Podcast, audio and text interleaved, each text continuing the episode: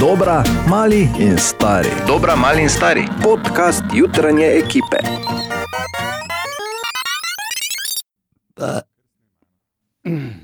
Si? Na zdravje, pujček. Ja, nič, pa če že moraš rigniti.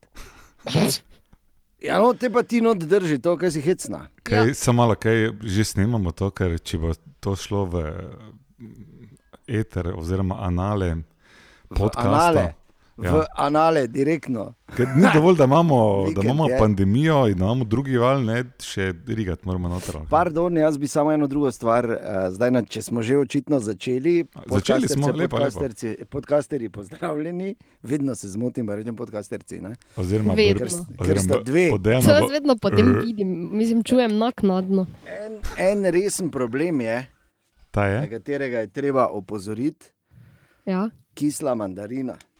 To so, samo čakaj, to so oni iz Neret, eh, oziroma Kera. doline. Ne vem, imamo doma iste, za znoret je, glej. Zaradi mene je lahko iz čila, mi je vseeno. Samo ne sme biti kisla. Vem. Samo da je. Uh, Ja, ja. Veš, ko kisla mandarina. Ana tega ne bo razumela, ampak Ana, če imaš uh, mednožje v smislu moške opreme, ne ženske, ne, mene kisla mandarina, veš, ki mi odpotegne.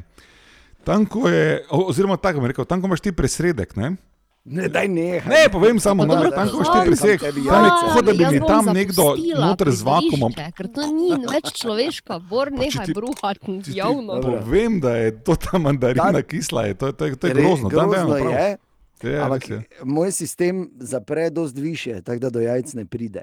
Ta Resno. teden smo. Ja, ta Katja, teden smo prosim, naj Dober- pride nazaj kolega, že ja. enkrat. Hvala. In tu so najboljši trenutki naših juter tega tedna, sicer pa se slišimo vsako jutro, opet. Ne veke debate še zdaj ali res naprej? Ker to zdaj ni bil Ne, Bor, najboljši hvala trenutek tega tedna. Ne? Kak smo- Mislim, vse je A petek, samo. Ja, razloži, koliko si bil star, ko so se ti jajce podaljšale. Ne. Ne, Tu bom jaz zdaj nehala. ja. Vsi bomo nehali to, veš. Drage poslušalke in poslušalci, jaz se vam vsem skupaj resno opravičujem za vse skupaj, kar je bilo do zdaj slišanega. Uh, ne prevzemam odgovornosti in se uh, distanciram od tega, kar počnete in govorita moja sodelavca. Jaz bi samo rada rekla, da komaj čakam, da pride prlečka nazaj, da red naredi, zato ker ena paziti na dva je nemogoče. Um, tako da ponedeljek se Katja vrača. Še enkrat, pardon za vse in obljubim, da od tu naprej bo samo malo boljše, kot je bilo do zdaj. Želimo dobro jutro. Dobro jutro. Um, in veš, kako so vedno na YouTubu leto zaključili z eh, tistim rewindom. Ne? In zdaj je že kar nekaj, eh, nekaj časa stara novica, oziroma nekaj dni stara novica, tako da to zagotovo veš, da letos rewinda ne bo. Ne, ko naredijo leto v vem, petih ali pa sedmih minutah. Ne. Rewinda letos ne bo, tako da ne ga čakati. Razlaga, zakaj je bila relativno dolga, ampak če povzamem, napisali so pri YouTubu, da je bilo leto 2020 drugačno in da enostavno se ne čuti prav, da bi se delali, kot da ni bilo. Zato oni ne bodo naredili rewinda letos. Pa da. Je- Glik smisla reči. Po drugi strani pa uh, se razočara, ne? ker tudi letos se mi zdi, da pa imam nekaj presežkov na YouTubu. Ne? Smisel, da bom letos not prišel, ne bom, ampak letos bi not prišel. To si bom zapisal in vedno govoril tudi vnukom. Leta 2020 bi dedi not prišel v Rewind, samo ga niso delali, ker je bilo COVID. Tako da hvala še za eno stvar, uh, COVID-19. Bleh. Ribi. Tem tednu bodo na dan prišle precej močna nasprotja med vami in partnerjem, ki ste jih na nek način prikrivali in s katerimi se v preteklosti niste želi, želeli soočiti. Vsekakor boste nesporazume dokaj uspešno in na miren način rešili, vsi tisti, ki ste v resni zvezi in ste navajeni odkrito govoriti o svojih težavah. Spoznali boste tudi, spozna, čakaj, Kaj ni še konec. Ja, ja, ekstra za ribe. Spoznali boste tudi, da vse, kar imate, dolgujete dolgoletnemu sodelavcu, zato se boste odločili, da mu boste vračali v ne tako malih mesečnih obrokih. Ole, bor, kako ti piše. Jo, boj. Ena od treh, treh. Jutranji sprehod po zgodovini popularne glasbe. No, včeraj je svoj 46. rojstni dan praznoval frontman benda, ki eh, je eden od tistih, ki najbolj polarizirajo. Ali jih imaš, ali jih nimaš. Oziroma, ali jih imaš, ali jih nimamo mi. Čet Kreger iz Nickelbacka. Aha. Ja, Nickelback je, eh, kot so rekli, mu tudi na nek način McDonald's rock'n'rolla, pa mislim, da so ga s tem uh, pohvalili. Sicer Čet Kreger, ki je bil nekoč izbran tudi za šestega najmanj seksi moškega na svetu. Sicer pa kaj lahko pričakuješ od benda, ki je svoj debi album izdal na 11. september leta 2001. Res. Ja, malo so bili krivi, se zdi zraven. Ne? Tako daleč je šlo, da so denimo tudi navijači eh, eh, ameriškega NFL, torej eh, kluba ameriškega nogometa Detroit Lions, podpisali peticijo in to samo inicijativno, da ne bi slučajno Nickelback kadarkoli prišli tja nastopati v polčasu. Skratka, Čet Kruger in Nickelback, ki so, kot smo rekli, eden tistih bendov, ki najbolj delijo, ali jih imaš ali jih nimaš, zaradi hitov, kot so When We Stand Together.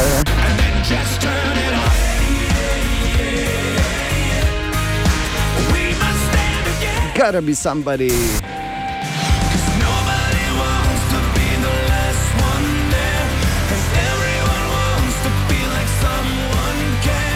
Ali pa da nimo njihove prve velike uspešnice.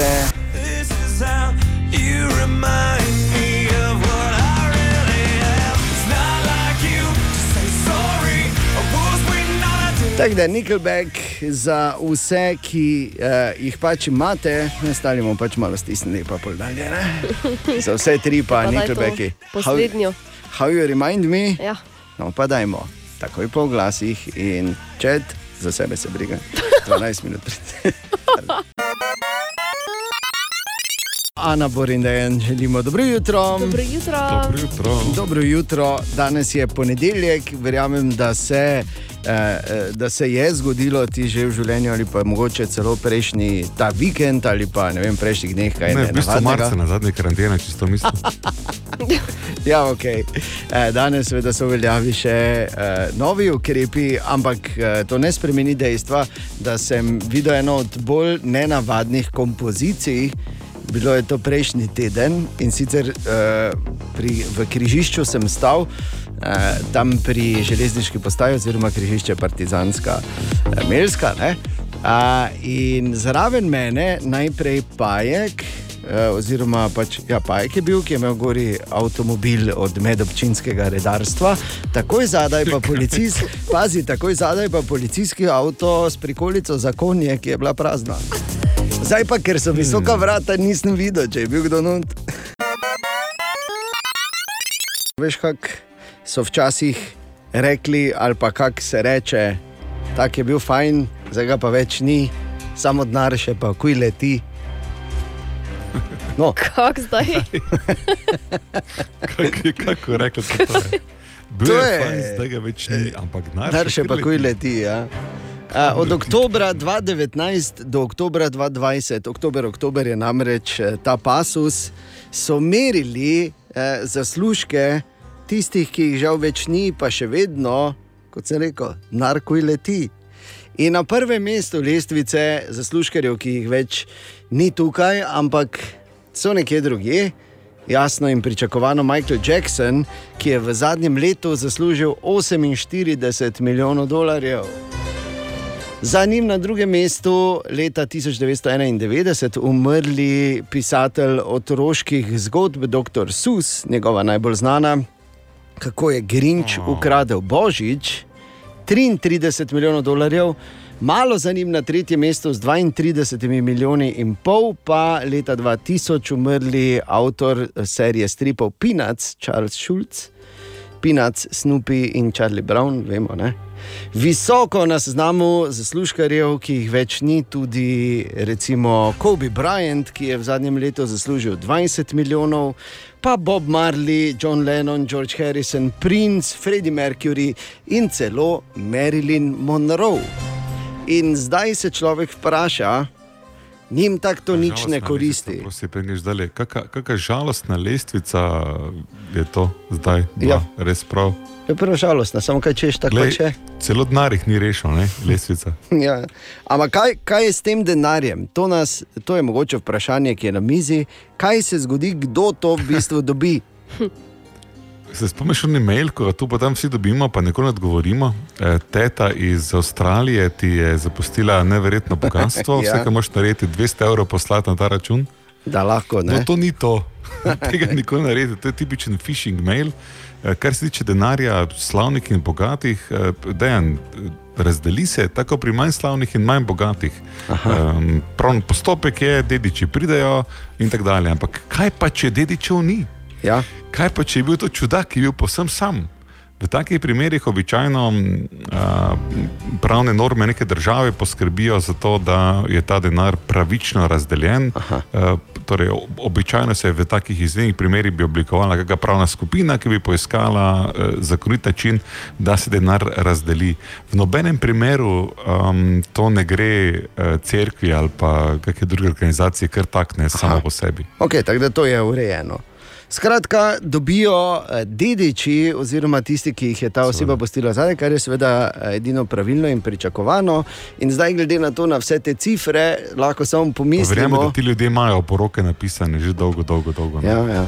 In lahko samo pomislimo, uh, glede na vse super stvari, ki smo jih mi naredili, in na denar, ki ga naši zanamci nikoli za to ne bodo dobili. Ja, to. O, Tine! Ja, se vidi, da je konec vikenda, Tina je prišel, dobro jutro. Ja, dobro jutro. Dobro jutro. Pozdravljen, Servus. vsi razen Bora, Hvala se te. klasično. Povej, kaj imamo danes za eno zanimivo, mimo grede, nisi bil nič na biciklu čez vikend? Ne, peš sem bil. Dobro. Ni isto. Bolj počasi greš, pa manj prideš. Ne? okay, se tudi niso bile nekakšne vremenske razmere vrhunske. Ne? Soboto bi še nekaj šlo skozi, samo pač ni šlo skozi. Ne? Ja, kaj češ vsak dan pač, ne rata vsak. Kaj imamo danes za eno zanimivo? Eno italijansko imamo. O je bila, kaj pa te? In sicer v Italiji ni dovoljeno zgraditi hiše brez bideja. Okay. Od nekdaj ne, so dali na higieno. So si radi prali. Kaj misliš, zakaj so včasih akvadukte delali stari rimljani? Zato Točno to. Še taki bolj oski so bili, ne? nisi rabo, se počepno. To so bili v bistvu prvi bideji. Pač malo večji, Daljši. hladni. Okay. No, tako da veš, če boš zidal v Italiji. Hvala ti, ne. Prosim. Bi rekel po, zadnjem, eh, po zadnji izstrelitvi, bi rekel en premalo, raje kot en preveč, Boris je vedno tu, dobro jutro. Dobro. Dobro jutro. In naš primo novinar? Matej Šuba. Dobro jutro, zdravo. Kaj je novega, Matej? Ja, od danes je Slovenija torej v drugem lockdownu in stojijo tudi vlaki in avtobusi, kar seveda pomeni, da marsikdo, ki še vseeno hodi v službo, ima ali pa lahko ima težave. No, in zato je prometni minister že prejšnji teden pozval župane naj eh, parkirnine v tem času, dvotedenskem času, ukinejo. Eh, Mariborski občini niso šli tako daleč kot v prvem lockdownu, da bi čisto ukinili parkirnine. Mestni svetniki pa obravnavajo to, da bi vsi, ki bodo v času opravljanja dela avte lahko parkirali v belih plačljivih conah, ampak bodo morali na vidno mesto v avtu postaviti veljavno mesečno vozovnico in parkirno uro. Ja. Tako da bi bilo brezplačno parkiranje 12 ur, ampak morali bi to seveda dokazovati, da drugače se vozijo z javnim prometom. In če bodo mestni svetniki to na dopisni seji potrdili, potem bo to od jutri naprej veljalo tudi v Mariboru. Samo to bom rekel, da doslej je bila mesečna 16 evrov, zdaj na črnem trgu okoli 200, 220, nekje so cene trenutno. Bi pa samo rekel eno stvar, da eh, ne razumem čisto, razumem razlog, da, da so kao takrat v prvem valu, da so vsi parkirali v belo cono in tam pustili avto po, po dva, tri tedne. Ampak ne, razumem, kako, kje pa te imajo drugačni ti avto, ki so prišli. Jaz definitivno nisem na avto prišel parkirati samo zato, ker ga lahko, pa potem peš hodil fram. Ne, Tako da ne bi razumem, bila dobra, ja. ne razumem odkot so prišli. Ne, pa ti niso bila tako polna parkirišča, da ne. Pol pa ne so bila razumem. bolj prazna. Pol pa ne razumem. Pol pa pač mi ni dano razumeti. Hvala lepa, Bor, naslednjič, ko bo, da meni tudi en plac drži v raketi, ker tu več nimam kaj za delati, očitno. Želimo dobro jutro. Dobro jutro. Dobro jutro. E, in vsak vikend na Instagramu e. pripravimo en. Ja, e, to pa zato, e. ker boš videl, zakaj. Čakaj, no. Vsak vikend e, pripravimo krvi. na Instagramu en zanimiv kviz o tem, kako pozorno si poslušal ali poslušal Radio City v preteklem tednu. In jaz sem zdaj razmišljal, preden razkrijemo. Uh, koga je Ana danes izžrebala, da dobi komplet mask, ni nam lahko, zato da boš kul, če že moraš masko nositi. ne. Um, da bi mi dva bolj preverila, če smo zakaj. Ne? Da bi Eh. Ja. Ana, Ana zdaj recimo prebrala ta ja. Ja. vprašanja, pa da vidimo, ker moramo vedeti, nagrado dobi, oziroma se za njo poteguje vsak vikend tisti, ki odgovori pravilno na vsa vprašanja. Je tako, Ana? Tako je, in bor ne moreš googlati pri tem kvizu. Kar je super. Ja, to so le kviz, pri katerem ne morem odgovorov. googlati, veš, da je vse narobe z njim. Ne, ne, ne bi rekel. Ok, Ana, povej. Okay, prvo se nanaša na našo, naš jutranji program. Dobro. Da vidim. Že Dejan je povedal, da je 11. Evo. november tudi, Ja.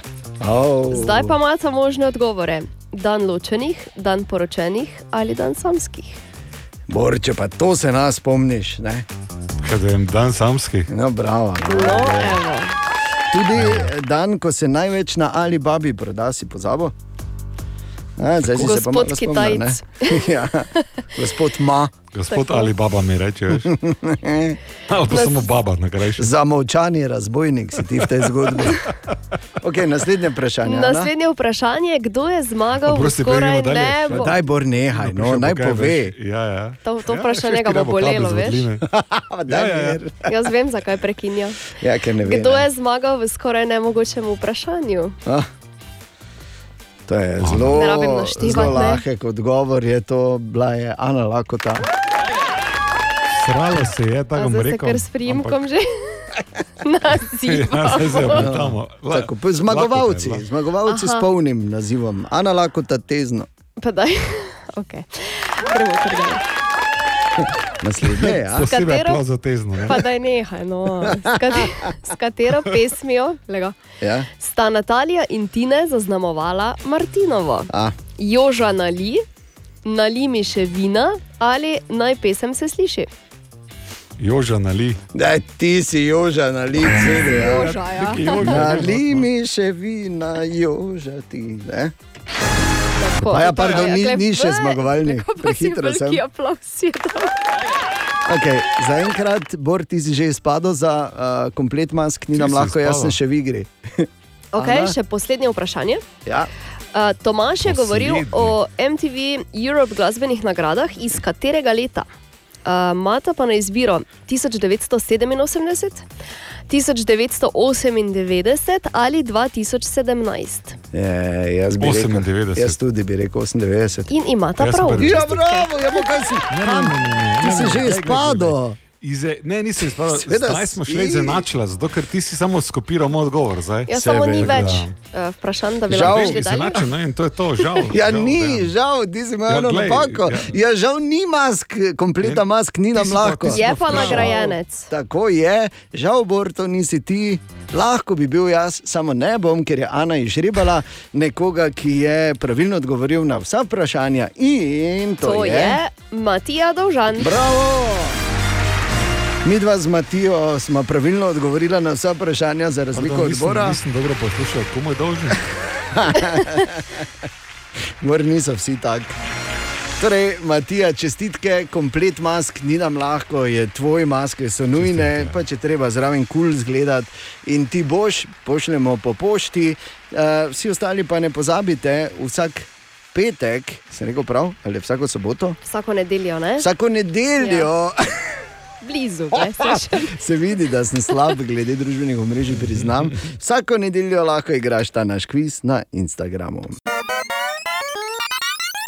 Želimo dobro jutro. Dobro jutro. Dobro jutro. Eh, In eh, včeraj je bila res super tekma slovenske reprezentance. Bilo je napeto, bilo je dinamično, napeta končnica, ki se je razpletla nam v korist, kaj češ lepšega. Edino eno vprašanje si zastavljam praktično že od pol devetih naprej. Oziroma od osmih, ne od pol devetih naprej si zastavljam to vprašanje, za koga, ker sem poslušal tvoje novice, Bor, za koga si ti včeraj zvečer navijal. Samo povem, ker poslušaj. Po osnovnih in srednjih šolah v celjo, celoti v cel, celoti. In tudi danes zjutraj je čas za naš priljubljeni jutranji segment, imenovan Izborove špajze. Bor, Res je, in v Vorovi špazi tokrat po dolgem času zopet malo tehnično. V ali si debati slišala, pardon, v Vorovi špajzi? Vorovi špajzi. Vorova smo spremenili ime. Izvoli, pardon. Za potrebe ponedeljka, ne? Vor, vor, Vor. grajne. Vorgrajner. Ah, ja. Čista končala bi nekaj koristnega, Ja, prosim, lahko se ja. tudi. Sej. Torej, po dolgem času ena tehnična, ne če ste opazili, ampak Google ukinja uh, zaston uh, prostor za vaše slike.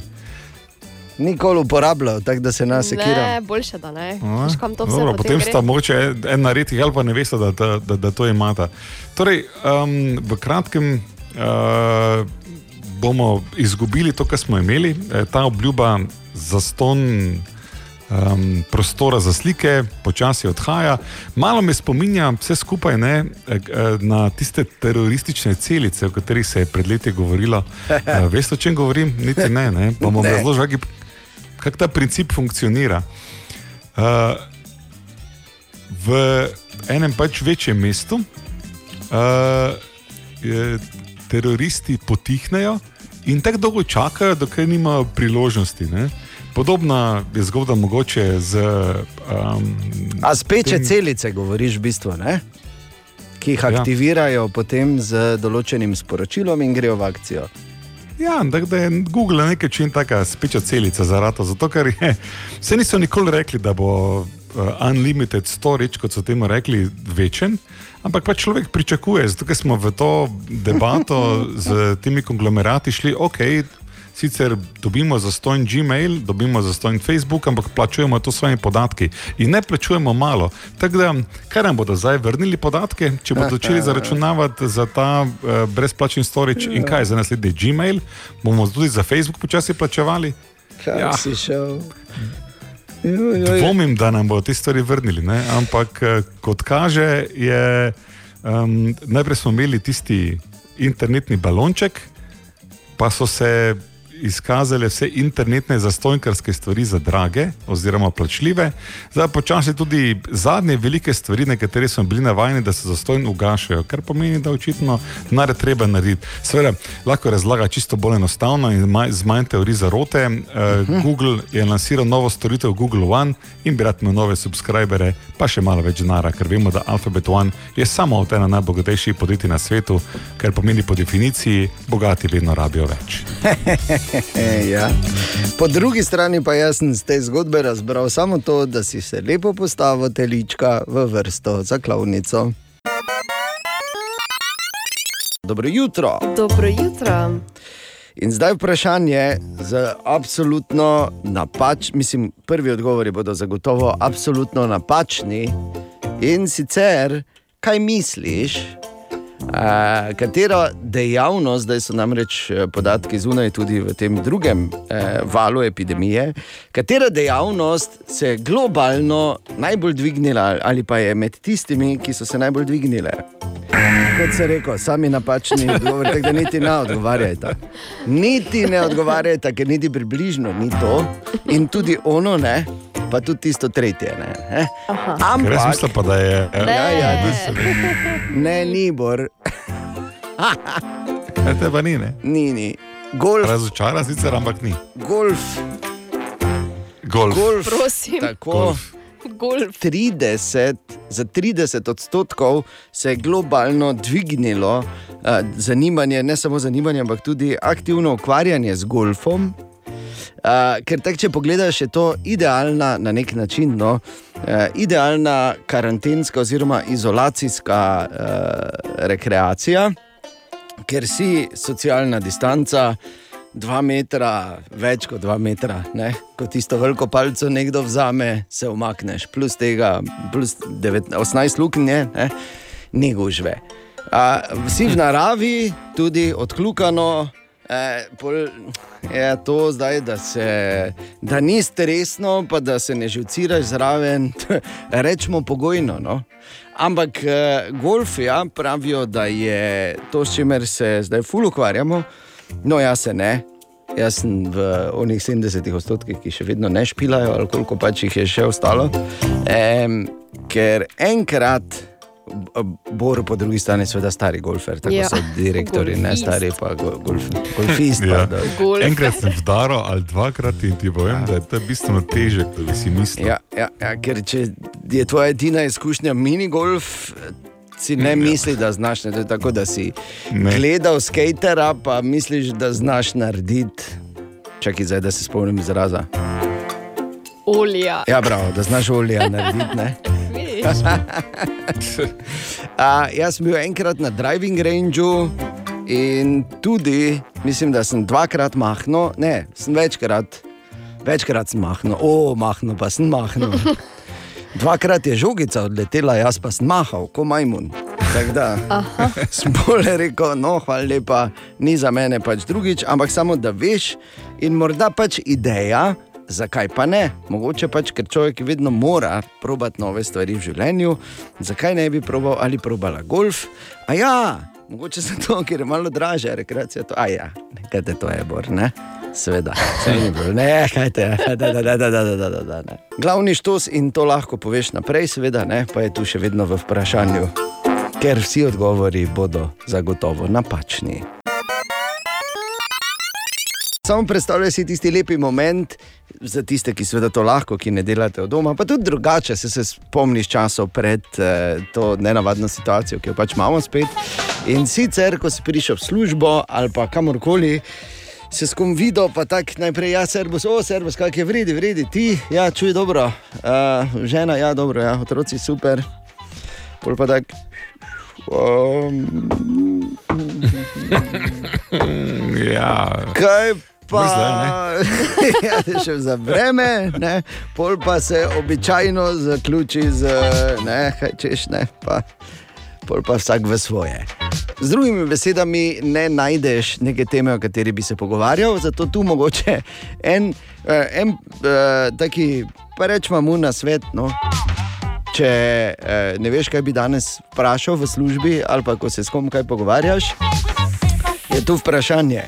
Kaj bi si rekel ali pa rekla, če bi se lahko zdaj srečal ali srečala na 1. januar 2020? Kaj bi si rekel, če bi lahko, ne, ta, vse to, kar veš zdaj, pa poznaš situacijo zdaj, če bi lahko se zdaj srečal na 1. januar 2020? čuj, poslušaj me, leti, na gled nazaj, samo leti. Ti se tako pogovarjaš? sam s sabo. Ja. No, zdaj, če, bi, če bi se po- resno, resno bi si rekel, poslušaj, dobro me poslušaj. Zdaj, v tem momentu, si kupi spletno kamero. Ja. Ker bojo v dveh mesecih dražje, pa ne bo jih zadobiti. Ja. Pa za zihar še kakšen 17-inčni laptop, da bo pri roki rabili bojo, če ne ti, pa okoli tebe. Ja, ok. Ana, kaj bi si ti rekla? Veš kaj, absolutno nič, ker karkoli bi si rekla in bi nakazovalo na to leto, ki je, ki je verjela. zava... ne, ne, da si ne bi verjela, zasekirala bi se še verjetno šestkrat bolj. Tako da veš kaj, manj veš, manj boli, Mm, samo imaš to, pa kaj je? pa kaj ne? bo, bo. Ja. Zanimiv, uh, zanimiv filozofski pristop. Jaz bi, isto, jaz bi šel pa po tisti tvoji prvi poti, zagotovo. Bi si samo rekel, gledaj, tako kot ti govorijo, da si kot mali medved, čas je, da temu začneš verjeti, idi spat. In če se zbudiš pred aprilom 2021, se vleži pa obrni pa Pa nazaj zaspi naprej. Tako. Tako da, kaj bi si lahko rekel, če bi se srečal na 1.1.2020? To je recimo tako vprašanje za eno zanimivo. Ne, kaj bi si rekel, če bi se lahko srečal? Srečo, pardon, srečo. Ja. Dobro jutro. Dobro jutro. Dobro jutro. Ne boš verjela, ne boš verjel, ampak 30 let je, odkar je mali osemletni Kevin rekel: I made my family disappear. Koliko? Čakaj, čakaj, zdaj stoji. 30 Ana, let. 30 let. Torej, 30 let, Samo malo, koliko si 30 stara, let. Ne, nehaj, kaj ta film je bil dejansko meni tri leta, In predno sem se točno, rodila. Tri leta ti starejši od. Zakaj? Ja, ja, ja. Ja, res je. Zakaj? Home Alone je legendarna, legendarna komedija. Kdo ne pozna te zgodbe, ko se družina odpravi na, na dopust in pozabi doma svojega najmlajšega člana. In šele nad Atlantikom v avionu se mami Kate spomni da, in zakriči: Kevin!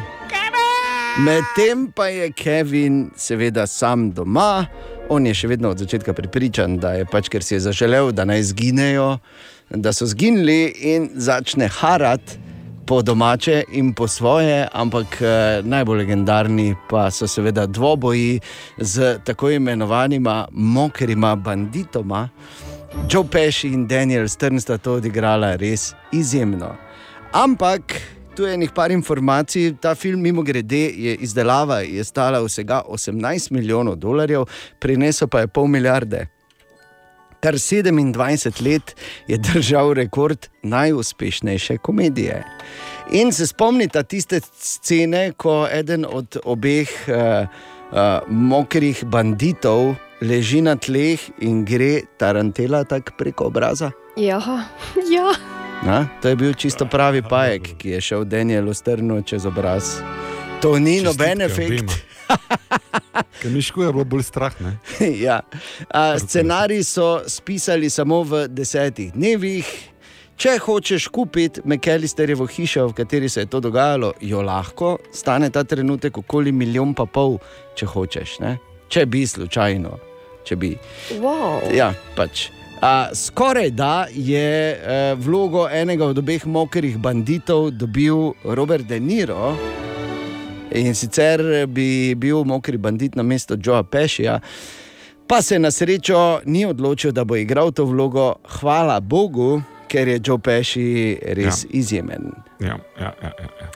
A, Tako da v teh 30 letih ni minil Božič, da se ne bi na veliko vrtel film Home Alone. In je... je, letos ne bo brez skrbi. ne, ne bo, ne bo. Uh, tako da, uh, kaj dela Macaulay Colkin, on je v bistvu potem še po tem izjemnem hitu igral v enih par dobrih filmih, kot je bil recimo My Girl. Pa mogoče, okay, potem je že šlo malo dol, ko so naredili Kevin Home Alone in New York leta 92, Parič, Rič leta 94 in pol je to pomenilo konec. Je pa uh, ostal velik šelivec. Recimo letos poleti, ko je praznoval rojstni dan, je uh, objavil na svojih družbenih omrežjih, je objavil ljudje, ali bi se radi počutili stare. Jaz sem 40, ni, za, ni zakaj. Vrhunsko. Ja, ja, tako da, Home Alone, 30 let. Se spomniš, kdaj si prvič to gledala ali gledal? To je to vprašanje. Jaz se niti ne, ampak bilo je nekako bolj proti začetku in definitivno v 90-ih. Seveda. Kaj, kaj teš ti, govorila seveda, ker je bilo Ja, televizija. Ti si gledala lani, tako se zdaj enega zornega Ja, kota. ne, zgoraj. ja, no, Težko ja. tebi se na lani spomniti. Ampak- Težko meni pa dejano na 60 leta priklicati spomin. Meni je bolj fascinantno, koliko krat smo mi ta film gledali. ne. Ja, ja. To je. Ja, res je. In tako se je bi se pa zahvalil vsem televizijam, preden je Netflix prišel ne, Ja. ja. za vso to čudovito ponavljanje, da ja ne bi zamudili. Danes da- ne, je to kar teže. Da izpeljati. se ne bi slučajno zgodilo, da ne bi bilo letos Home Alone in to po televiziji. Da se ne bi Zdaj smo se navadili. ne. zgodilo. Zdaj vzeti bi bilo, bi bilo hudobno, da Narobe. nam to. Definitivno Narobe. narobe. In čestitke no, temu legendarnemu filmu. Včeraj eh, oziroma danes po noči, je bila obletnica in to 30. Dobro jutro. Dobro jutro. Dobro jutro. Ja. Dobro jutro. Ja, kaj? Ja, tako je. Ja, začel, brazgotine. Brazgotine, dokazano, ženske rade vidijo brazgotine na moških, ampak to je ta Ne dodatek. brez godine, dok ne greš v vojno. Ne, Ne, Tako ne, je ja, pa ne to, pusti to, ne, Ampak- ne spremenjaj teme. Imajo rade brazgotine, ampak so ugotovili, da samo, da jih pač seveda eh, naredijo brazgotine moške bolj privlačne ženskam, ampak okay. samo za uh, krajše avanture. Da ne pomagajo pri dolgih in resnih zvezah.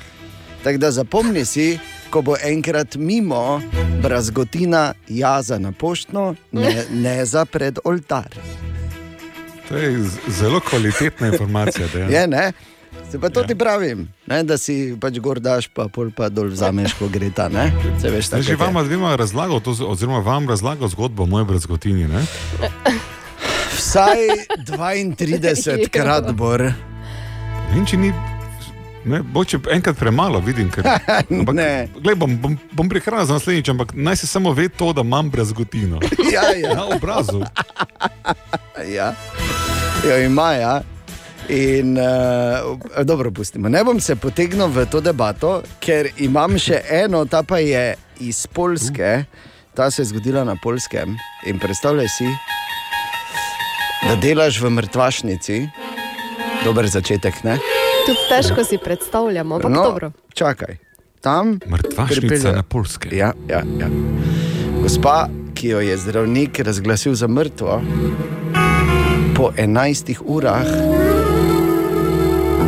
se tam not gor vsede.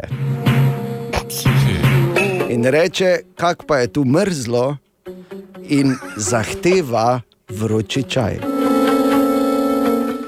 Da jaz delam tam, pa da se mi to zgodi, samo zamenjama mesti.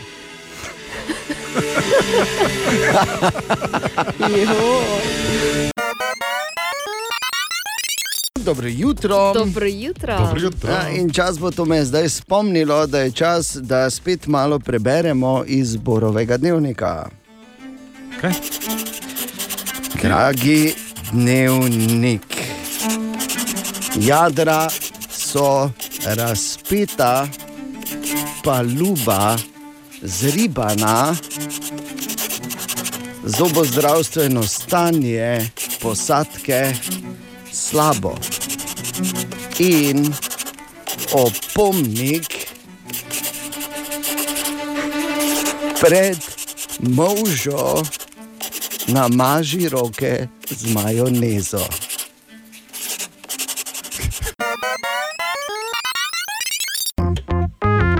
Tine!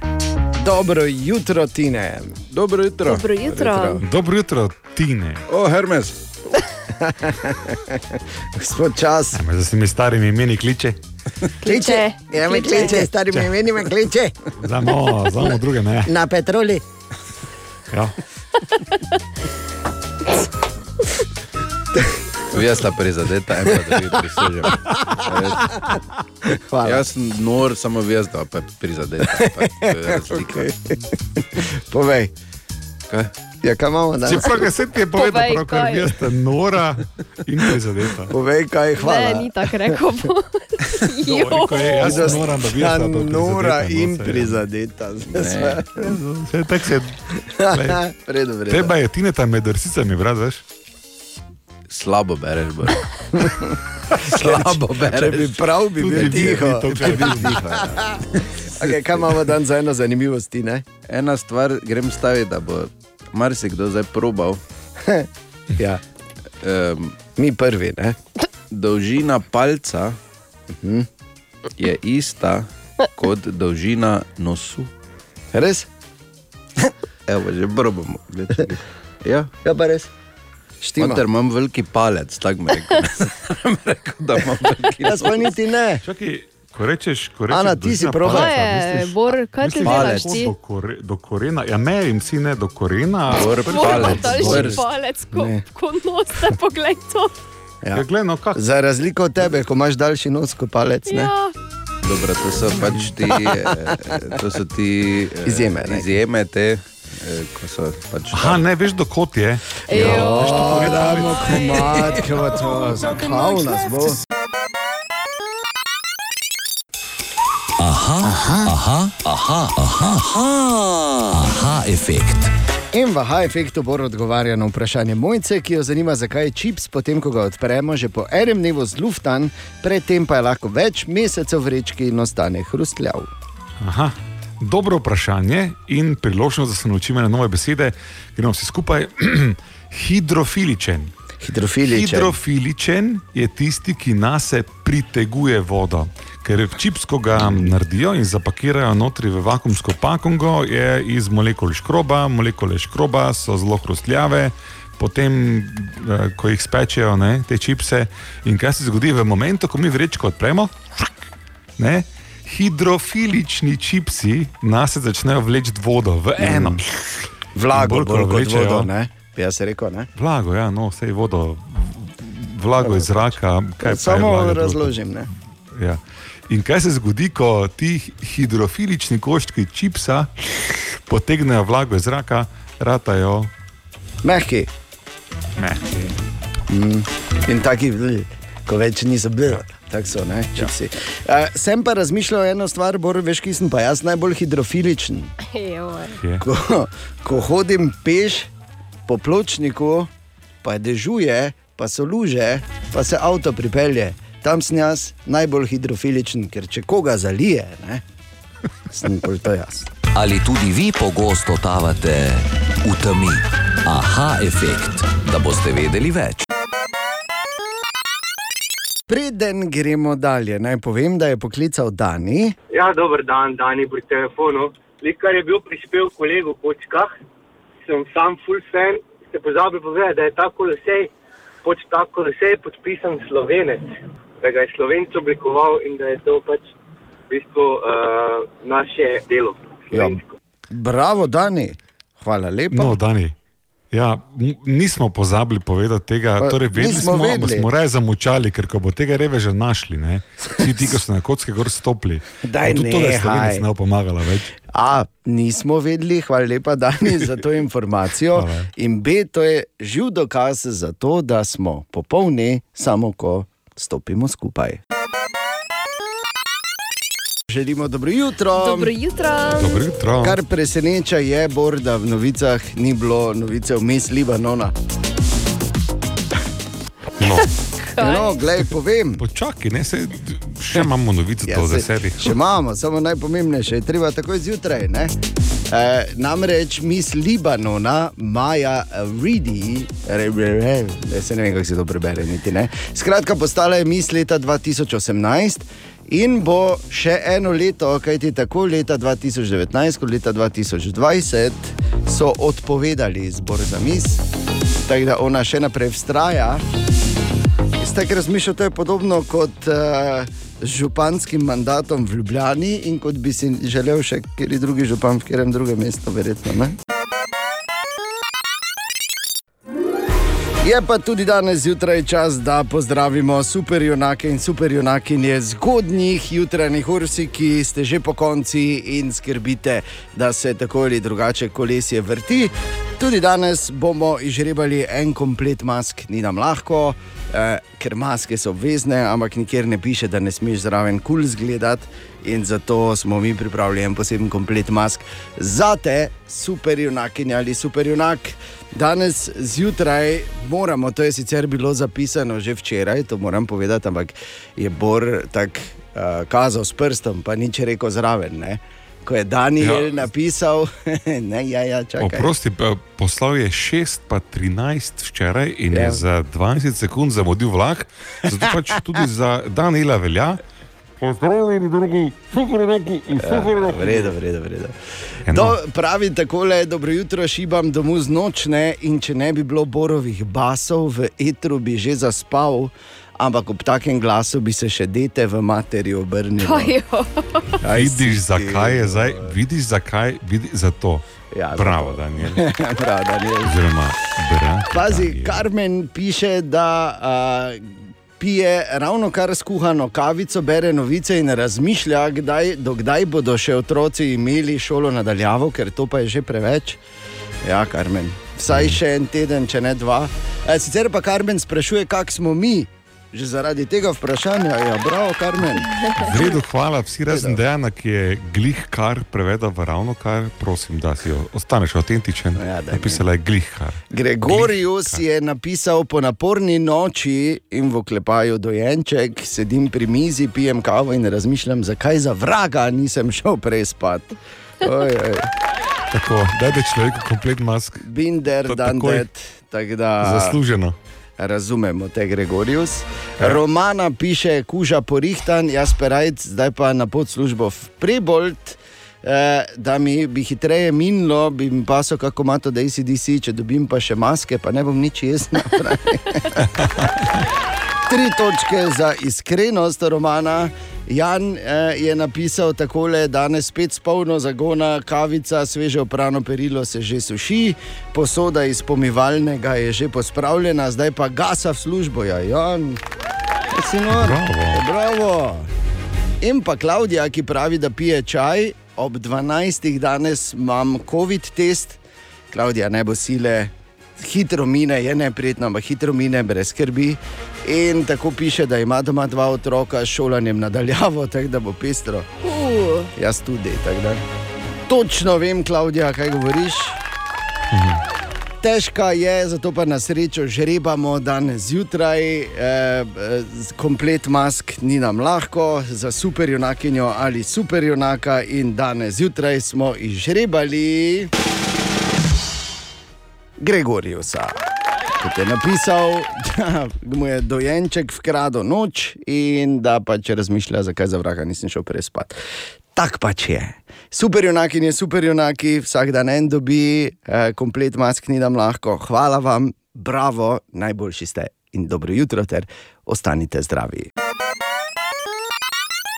Želimo dobro jutro. dobro jutro. Dobro jutro. Okay, zdaj pa to, kar bom povedal, to si verjetno že videla ali videl. Jaz sem pač glede določenih stvari uh, malo bolj počasen. Ko na internetu, seveda. Ne, Aha. ne bo kdo drugače razumel. Naredite malo pauzo, ker je zanimiva trditev. Je, ne? Hvala. Da lahko ti Počasi se vseeno- da lahko ti razumeš. Ne? A, Ja, hvala. res, Lepo tebe.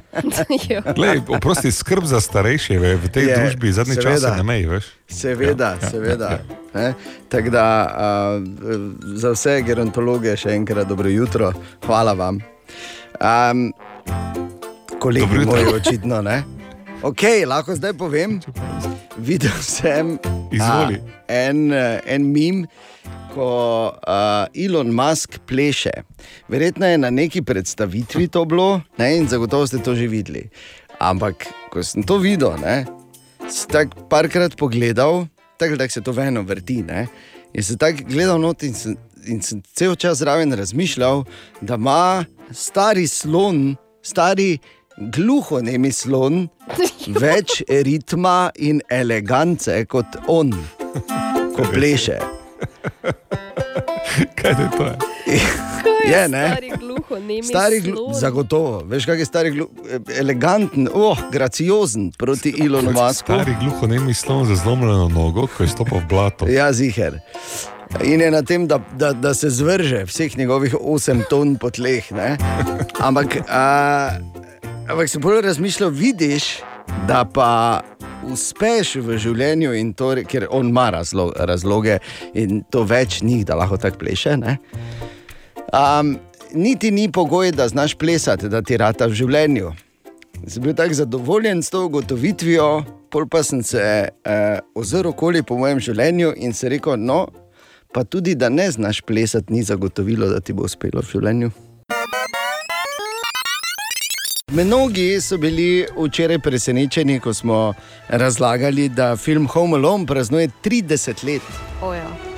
Ja, je bilo kar šokantno. Ne? Kar mi je dalo misliti, Zakaj ne bi pregledali, kateri filmi eh, vse pa so, oziroma še bodo v letu 2020 praznovali 30. obletnico? Vem, to, je- to je tako slaba ideja. Zakaj? To, to je najslabša ideja, ki sem jo kadarkoli imel. Prisežem. Meni se pa zdi, kar ok, ne? E, nič ne moreš, Glej, por, kar je mimo, je mimo. No, dobro, jaz sem tako navaden, jaz sem Sprijazni se. 30, ko vsakih 30 let, ne, Ja, ja, tako je. je. Stoletja samo. Za vas bo pa to sr... do... Boleče, ne? Okay, poglejmo. A, recimo, letos praznuje 30 let eh, eden najuspešnejši, ena najuspešnejših akcijskih komedij leta 1990, Bird on a Wire, eh, v kateri sta glavni vlogi odigrala Mel Gibson in Goldie Hawn. Jaz sem to gledal eni 15 krat, menda ne vem zakaj, ampak sem. Die Hard 2 je star 30. Ko se je Bruce Willis preselil s svojim zipotom iz Nakatomi plaze v, eh, na letališče. Ne? In najboljši Die Hard, po mojem mnenju, je Die Hard 2. Goodfellas, 30 let letos, legendarni, legendarni film. A, pa potem, recimo, 30. rojstni dan praznuje Misery, a, ki je pač ena od najboljših ekranizacij kakšne zgodbe Stephena Kinga. Um, Grozna zgodba. Z, z, je, ne? z, začne se z nesrečo, pa, pa gre po Ja. sili nesrečo. Pol pa ta pride Katy Bates v igro. zgodba. Oh.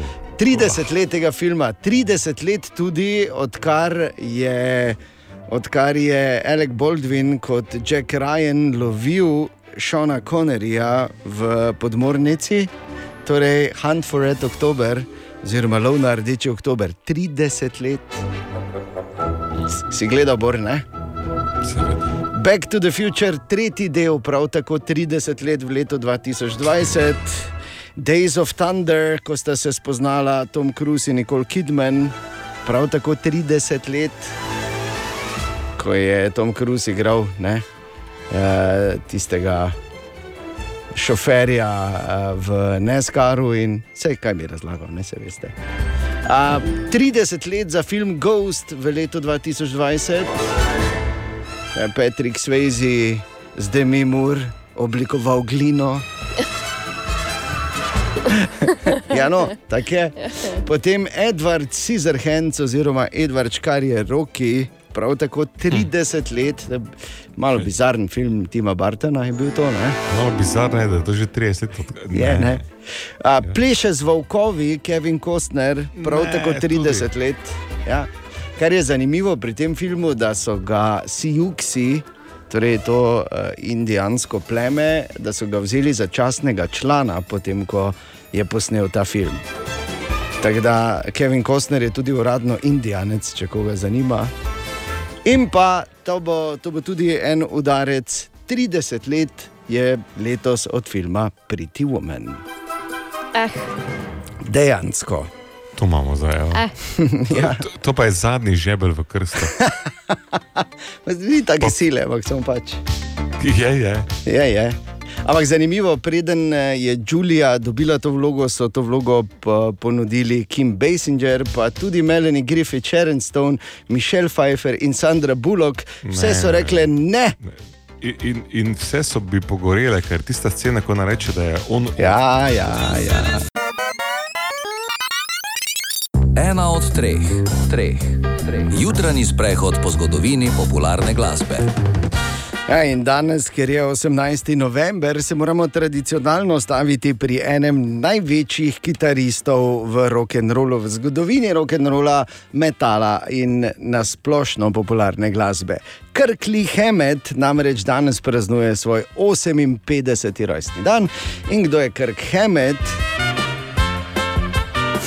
Bom sam povedal, solo kitarist, jasno, da od zveza na robe tukaj. od Metalike. Uh, zanimivo, kako je on k Metaliki prišel. Leta, bilo je to v začetku 80-ih, leta 83 so nagnali zaradi tega, ker se ni lepo obnašal, govorimo seveda o alkoholu in drogah, uh, do tedanjega uh, glavnega kitarista Deva Mustaina. Ki je seveda kasneje naredil bend uh, Megadeth, pa so poklicali Krka.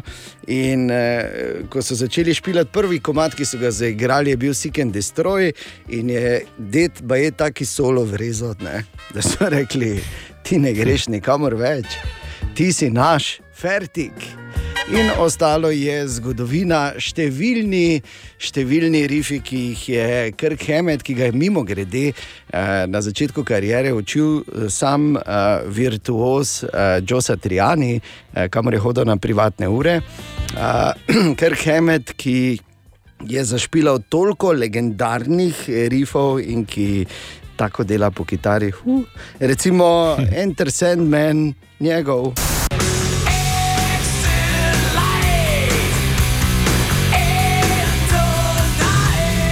Izvrstno ga je žgal tudi v tej priredbi uh, Whiskey in the Jar.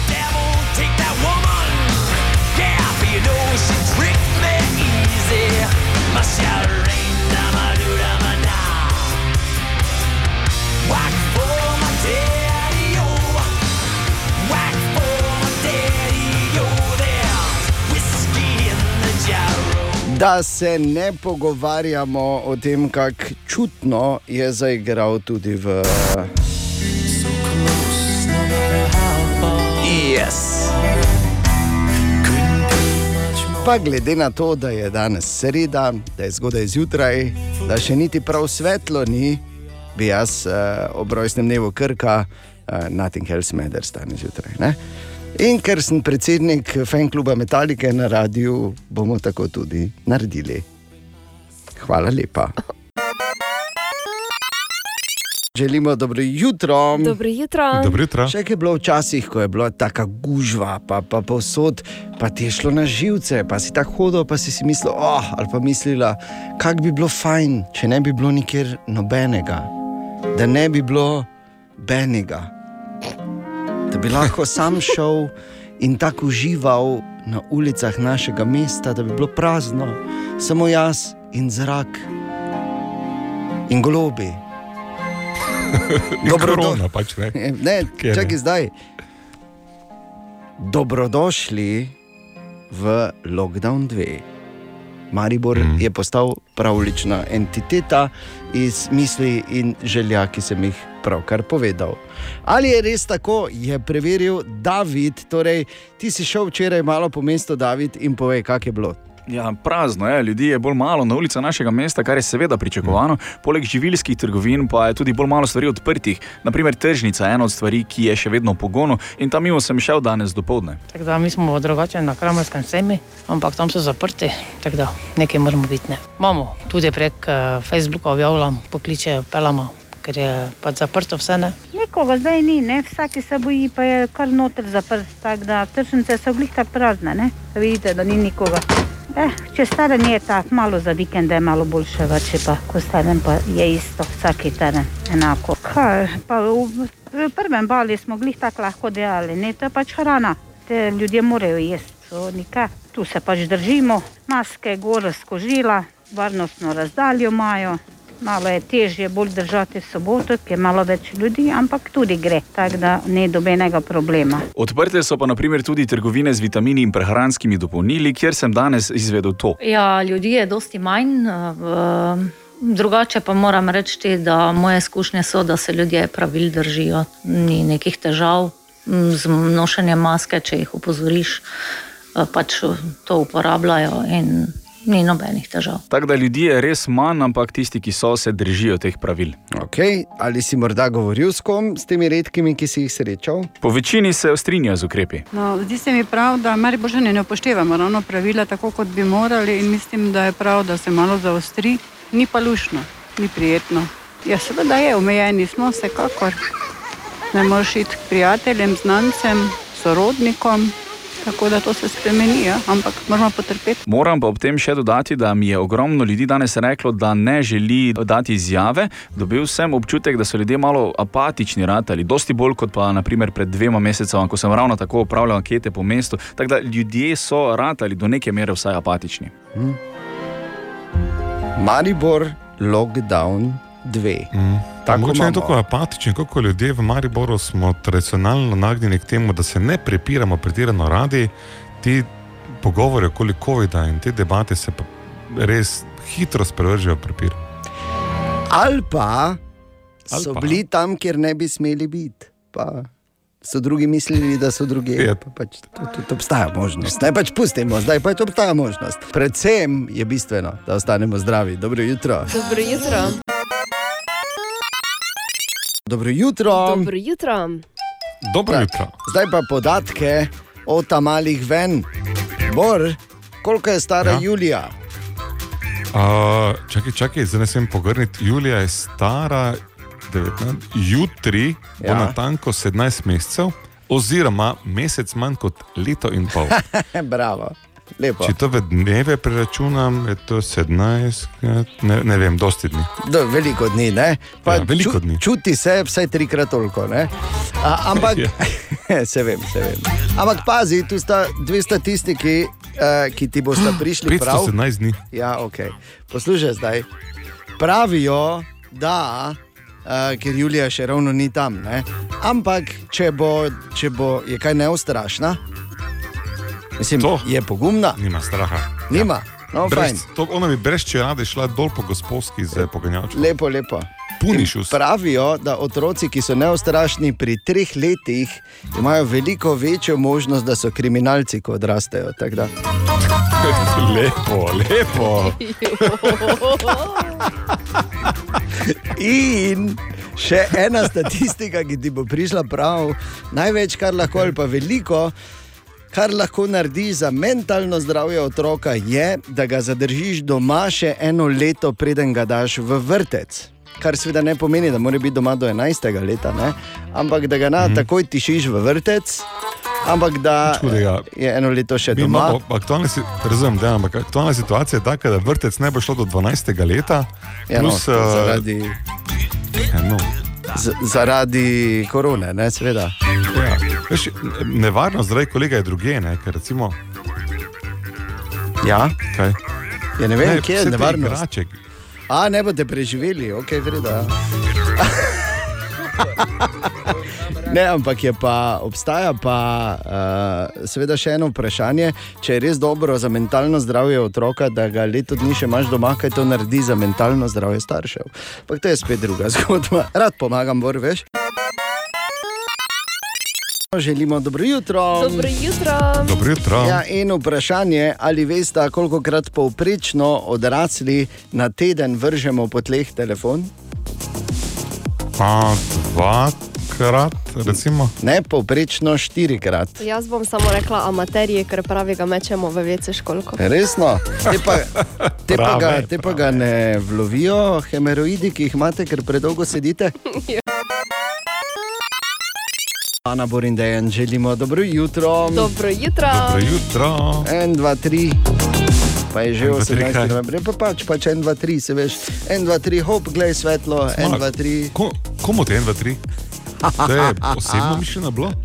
Samo malo, če se ne strinjamo, Ja, ja. ne da ne moreš žaliti. Emuliraš, bor, emuliraš. A, kaj če bi. Boreček?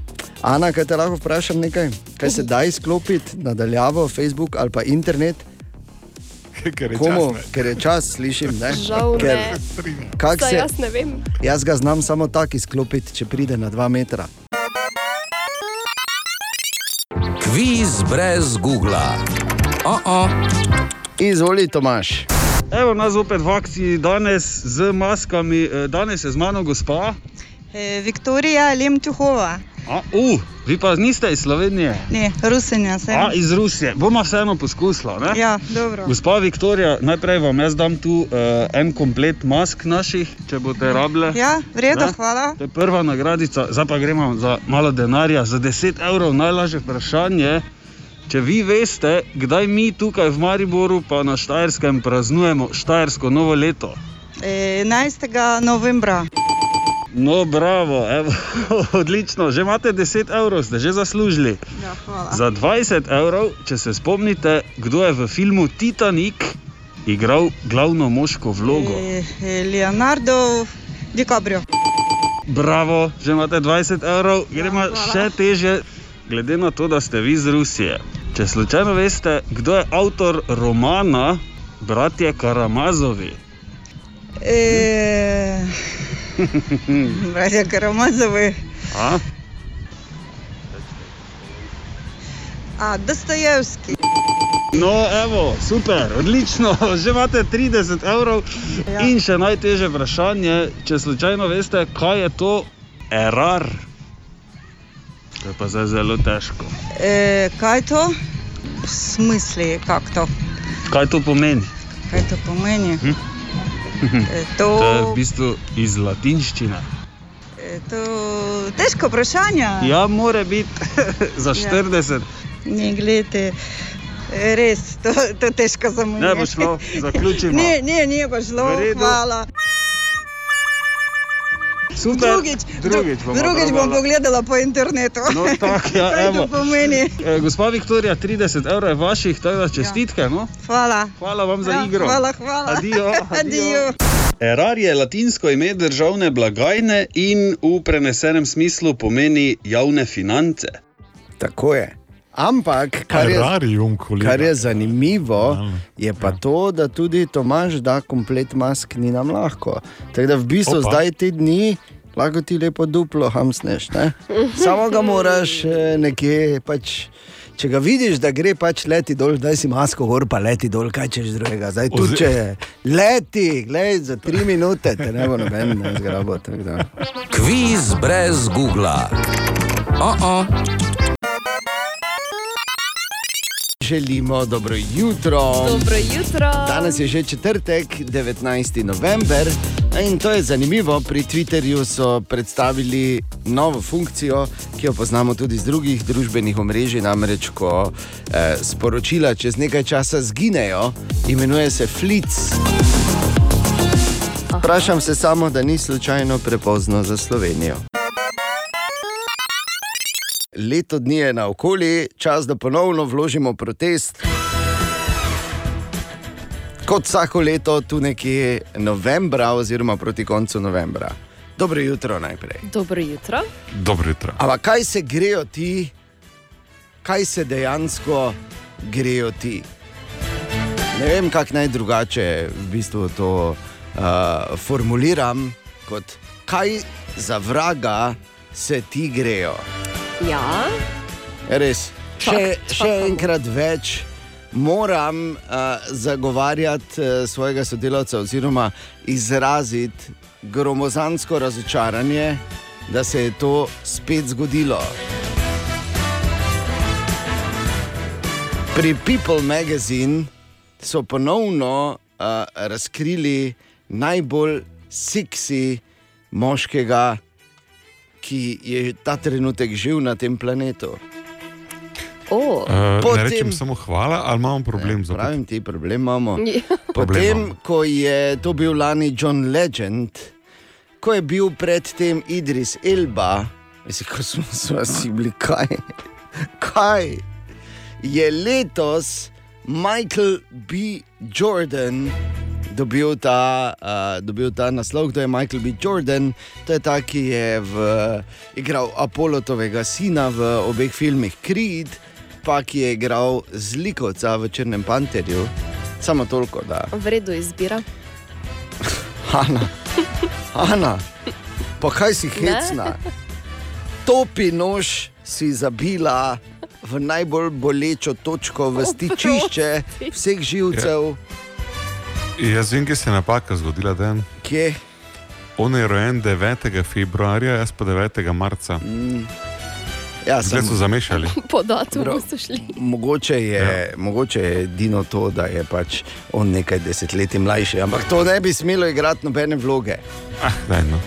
Kako so spet spregledali Bora, še eno leto več? Ne vem. Katastrofa. Ne Bor- vem. Jaz eh, Vem, več, vem. več kot to ne morem, ne morem narediti, res ne.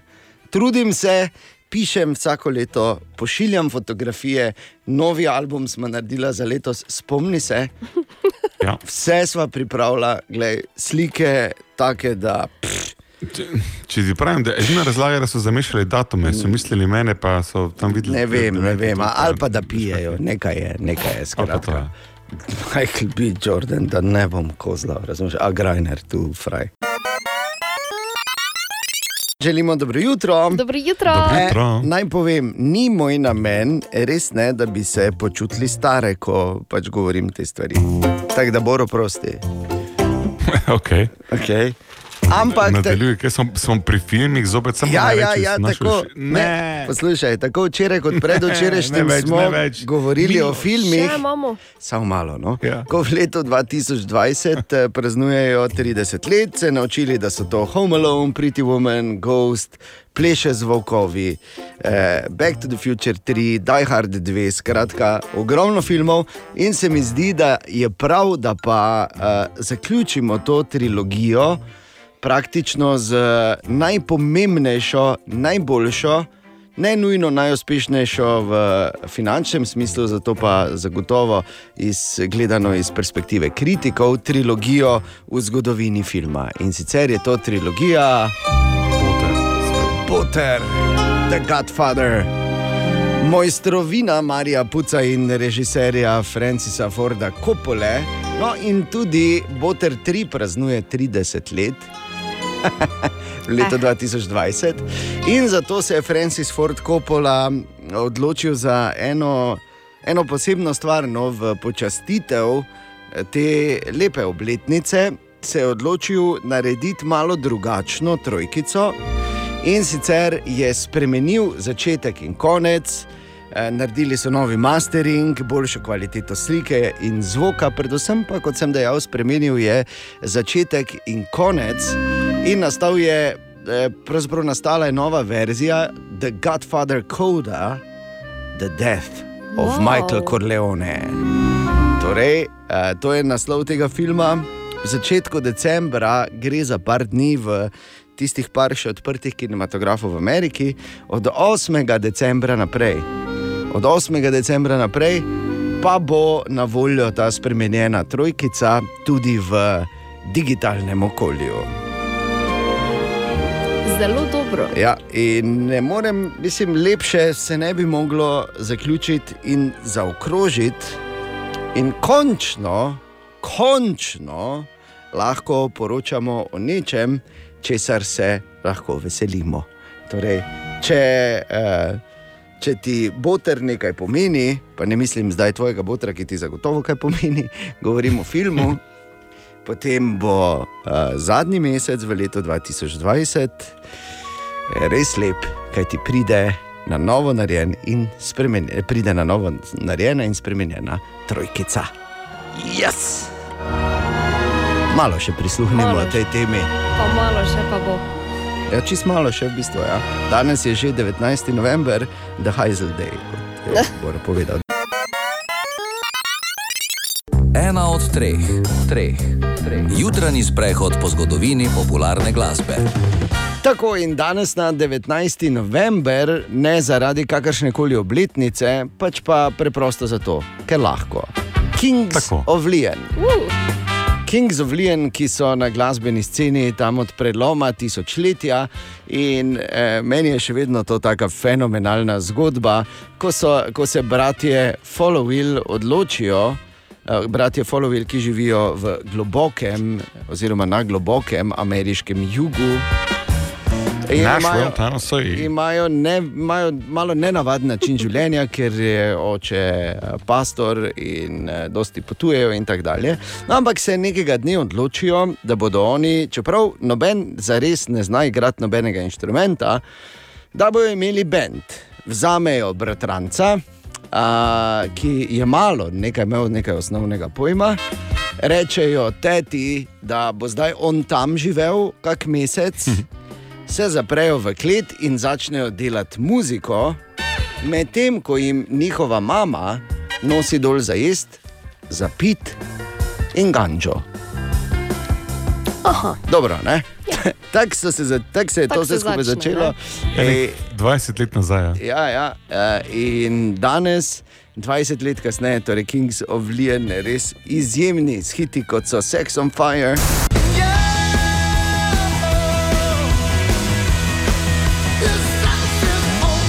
Pa Back Down South.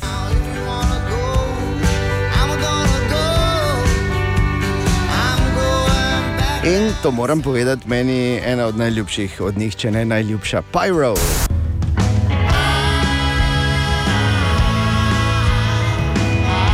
In zdaj sedim kot koker španilček z onimi ukicami, veš, kako gre.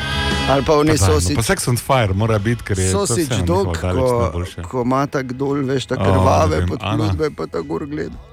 Kaj lahko pa je? Re- Reči kokeru nekaj. Kokeru. Že Tiste je ena koker druga zgodba. Kings of Leon, torej danes jutraj, takoj po glasih. Želimo dobro jutro. Dobro jutro. Dobro jutro. Dobro jutro. In spet je kul cool pogovarjati se o vesolju, ker naenkrat je to spet ho, debata. Hvala ja, Bogu, mimo grede. opazil, da je Elon Musk medtem, ko preboleva COVID-19, Ja. še spravil tri astronaute na mednarodno vesoljsko postajo. Pravzaprav so to štiri osebe, ker je ne mogel pilotirati. Ja, dobro, ni on, ja. ne osebno, v bistvu. Ne, ampak... Zdaj, vse naj bolan malo, ne? Ampak ja, SpaceX je poskrbel za to, da se spet pogovarjamo. Ampak eh, je pa tudi res, da je, ima Musk še veliko načrtov. Eden od njih je, da bi rad koloniziral Mars ponovno. Ne? In tu zdaj pride v, v zgodbo. Naj samo povem, vse, kar bom zdaj povedal, ni znanstvena fantastika, ampak je čisto res. Spoznajmo podjetje Relativity Space, ki je začelo tako, da je delalo ene prav posebne 3D printerje. No, danes se preživljajo predvsem s tem, da 3D printajo dele za raketne motorje. Ampak v njihovi, njihov končni cilj, njihova luč na koncu tunela pa je, da bi radi naredili taki 3D printer, da bi si lahko ljudje na Marsu sprintali raketo, ki jih bo pripeljala nazaj domov na Zemljo. Vem, da ti nisi fan Star Treka, ampak ti spomniš teh replikatorjev, Ja, ja, ja, ja. Vse to je 3D printer, ne, Veš, na nek te- način. V tej smeri smo. Ja. Ampak pazi, pravijo, da bi, ko bo seveda ta projekt končan in da naj bi bilo fertik ta tehnologija čez kakih pet let, a, da naj bi eh, ta surov material, ki je potreben eh, za, za printanje teh delov in rakete, da bi si lahko na Marsu raketo sprintali in sestavili v dveh mesecih oziroma v 60 dnevih. Da pa to bo res delovalo, potrjuje tudi dejstvo, da so že testirali svoj prvi v celoti sprintani raketni motor. In je bojeful dobro delal. Dobro, ne? Kaj, gremo do Venere. Veš kaj, to ne rabi, je zmanjkalo, tako da počakaj do petka. Tako je dragi, to ti mora imeti na laser. Glej, ker tudi inkjeti so tako dragi, kaj si ti ne. Ne, ampak eh, v vsakem primeru zanimiva, izjemno zanimiva ideja. In, eh, kaj pa veš, ne? Mogoče mi ne, naši otroci pa si bodo kdaj na Marsu printali svoje rakete. Ana Borindejan, želimo dobro jutro. Dobro jutro. jutro. Kak sta drugače? Ja, vredo, ne? Pa ti boš tudi. Ja, seveda. Ja? Daj, no, Kaj, če- eh? četrtek, Ni skrito kaj- vprašanje. kako- Name, ja, Name kaj? No, me. name sprašujete, kako sem v četrtek. ja, ok, slabo. Ampak eh, čas je za iskrene reakcije. E, to je ena rubrika, ki se tu To je pa tam pojavi. zdaj sigurno, veš. Neš, ja, valjda, da je bila. Spet eksperimentiramo. In tu je še no. ena od včeraj, namreč ko, ja, ko sem slišal uh, vladnega govorca, ko je povedal tole. Virus obstaja, hitro se širi in čas je, da se vsi pričnemo obnašati, kot da smo okuženi. Kar je verjetno res, ampak ko sem to slišal, je bila moja prva reakcija: bil tam, dal skozi, ne bi se rad tako več počutil, nikoli, niti teoretično. Tako da pazi na se in na ljudi okoli sebe. Pa dobro jutro, Dobro jutro. Dobro jutro. da bi zdravi bili. O, Tine! In tako tudi danes z- eh, zjutraj pozdravimo Tineta otroci. Dobro jutro, tri, štiri. Glej ga, prišel je. Oj, že prišel je med nami. Ja, pazi, kaj boš zdaj dalje povedal. No. Ja. Tine, ko je pravi as. Oj, oj, oj, oj, oj. E, Rima iz leta 48. Na pačnem razredu. ja, na pačni šoli. Torej. Dobre, četr, četrtek je malo se mu oprosti. Ja. To je res. Ja. No, ja. Ni to neki perspektivni dan. No. Pač Malo se bil. ti, malo Ali se pač ti oprosti, Bor. Ni to neka perspektivna dekada, ne bor. Ali pa stoletje. Lej, roko na srce. Ne? Sam si rekel. Vse, Samo vse do- Facebook za me, na primer. Ne? Nimam ga. Samo gledaj, dovolj. Z razlogom. Vse dobro je šlo s prešernom, Bor, ne? Ja. 1848. Si mu lepo rekel, naj ne serija. Ne? Ja, si mu rekel, da je Franca. No. Ja, Že še mama, ne, Franci. Glej, bo veš, koliko pesmi še moramo napisati. Tako ne vem, če ga nisi ti not potisnil. Ja, tako tak. No, ampak tako, če se, Bo pa če se Bogi resno čop, pogovarjamo. Bogi Glej, čop na strada.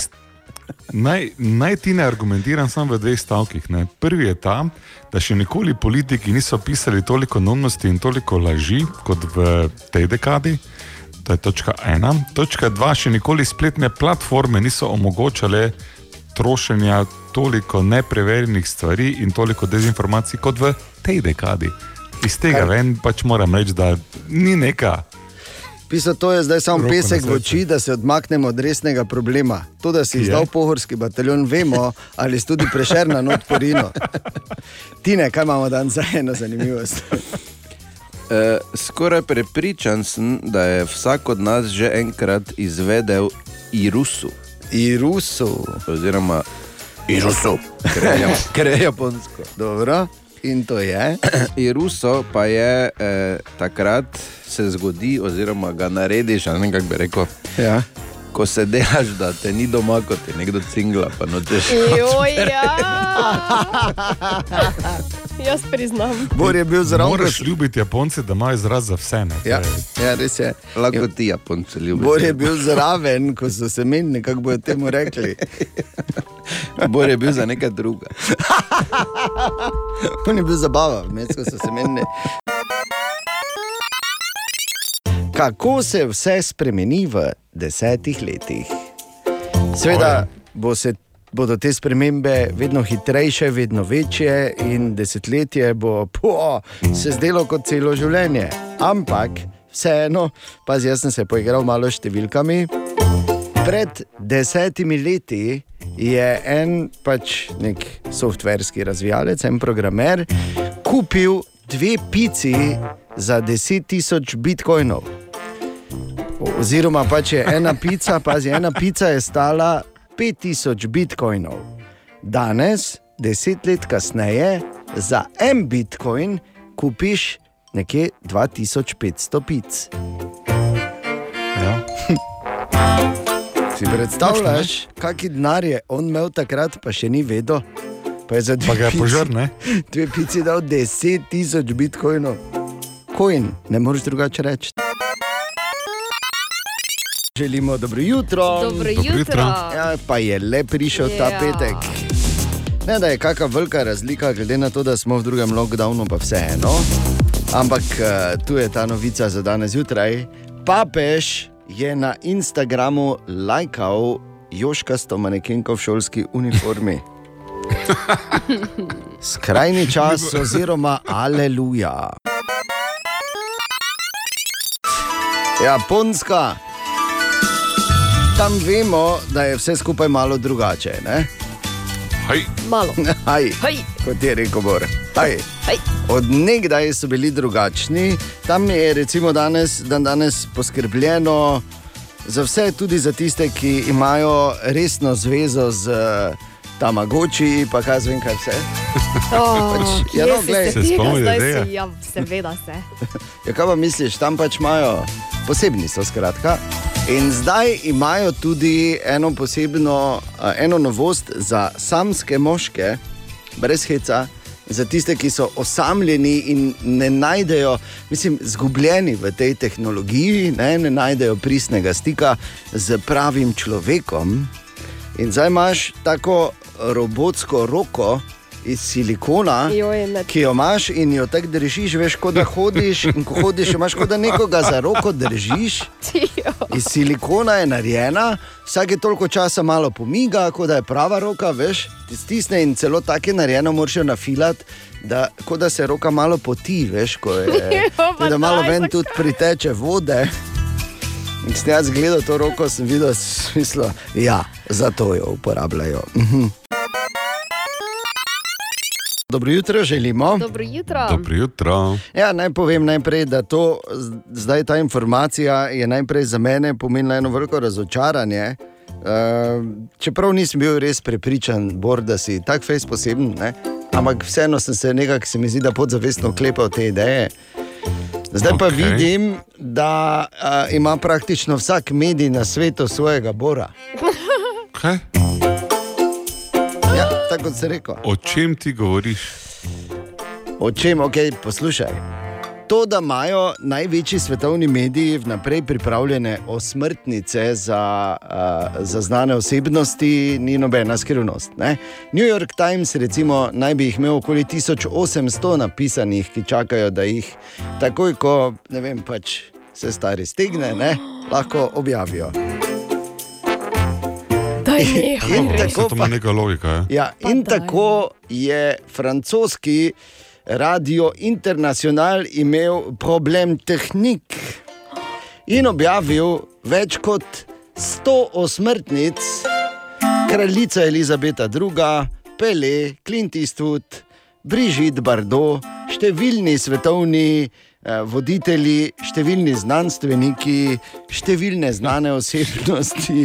Vsi so bili ta teden, uh, objav, vse so objavili, da so pač žal umrli. Zaradi pač tehničnih težav, ki so jih imeli.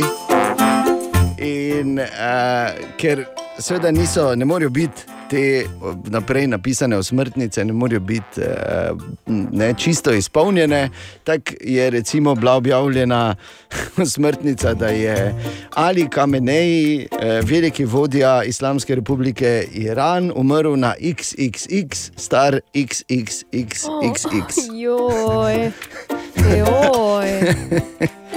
Tako da, Saj ne razu, vem. razumeš zdaj, Bor, kaj sem hotel povedati? Ker žalostno, v bistvu. no. Ja. Pa ne to, da so objavili. Ne, žalostno, da moram povedati, da se to je zanimiv dosežek, samo sem imel že boljše, veš. Vseeno. Bi rekel. Danes je petek, dobro jutro, dobrodošli v skoraj nemogočem Dobro vprašanju. jutro. Šampionka Ana Lakota in Bor, najstarejši No, tekmovalec. šampion. Ja, svoj svoje, čas. ja. Če, glej, glej, Vsak samo, po samo. svoje, Bor. Če recimo ne, bi en motokrosist dobil sedem sezon in potem dve izgubil, ali bi on bil šampion? Seveda bi bil. Samo ta motokrosist Bil nisi ti, ker Ne. nimaš take statistike. Ker ti še si vozil ono na karbid. Gladko te nesem še vedno, veš. tako da- okay. No, gremo. torej, da slišimo. Skoraj nemogoče vprašanje tudi danes zjutraj, korenini na realni statistiki, narejeni v Evropski uniji. In je tudi danes morda veliko bolj spektakularno od odgovora, odgovora ali pač. In sicer danes o moških. Eden od petih moških spakira, ko potuje tudi ta, predvsem ženski pripomoček. Fin. Iz prve Ana Lakota. Ne morem verjeti. Ne morem Pa verjeti. To je brez veze že. Pa res je brez veze. To samo indicira, to samo indicira, da v hiši tukaj noter mogoče ne, imamo problem. Ja, ne vem še, pa- kakšen problem je, ampak definitivno ga imamo. Ja, je problem, nekje nekaj teče. Ena teče. in točka Nekaj dve, teče. da na Ana tebi gleda v kufre, ko greš kam vedno.